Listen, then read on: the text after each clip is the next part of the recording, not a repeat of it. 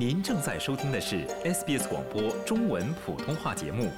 更多节目内容请浏览 sbs 点 com 点 au 闲斜杠 mandarin 或下载应用程序 SBS Radio App。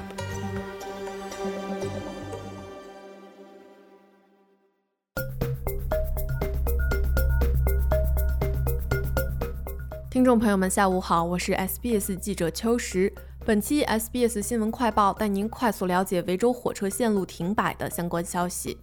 有超过一半的铁路线路将由公交车代替，墨尔本西区的居民正面临着严重的通勤延误。据维多利亚交通部门的声明，为建立更好的城市交通，西门隧道项目的施工开始，墨尔本西区的戴农路将届时关闭。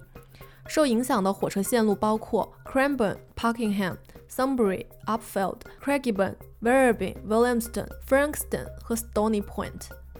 同时，去往 Geelong、Bendigo 和 Ballarat 的长途火车 V-Line 也会受到影响。维多利亚公共交通局提示，今年冬季的施工是大型基础设施建设项目 Big Build 的一部分，人们需要提前计划，避免造成交通上的延误，尤其需要注意在学校假期时出行的通行计划。交通线路整修并不是墨尔本公共交通通勤者遭受的唯一打击。Mikey 的全额票价即将在七月一日起上涨，涨幅为八点七，高于通货膨胀率。全州范围，Mikey 普通单程票价从四点六澳元涨到五澳元，全日封顶价从九点二澳元上涨到十澳元，周末单程票价从三点三五澳元涨到三点六澳元，全日封顶价从六点七涨到七点二澳元。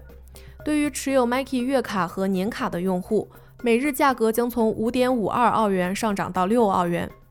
反对党表示，Mikey 的票价上涨将影响整个维州的家庭预算。影子公共交通部长理查德·赖尔丹表示，